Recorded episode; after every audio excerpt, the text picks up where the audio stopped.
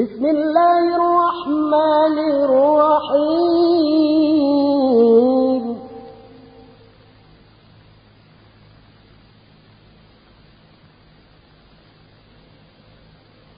قل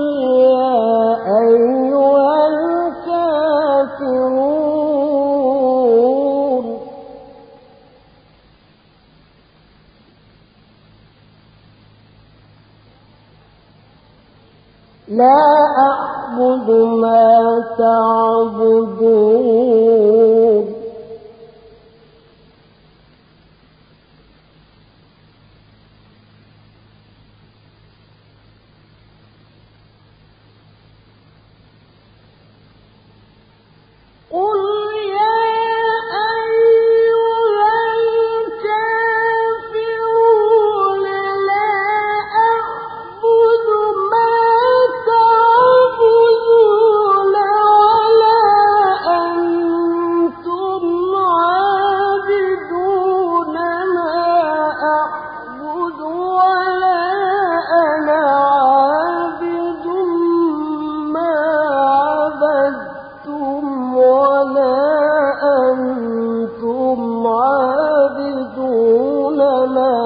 أعبد لكم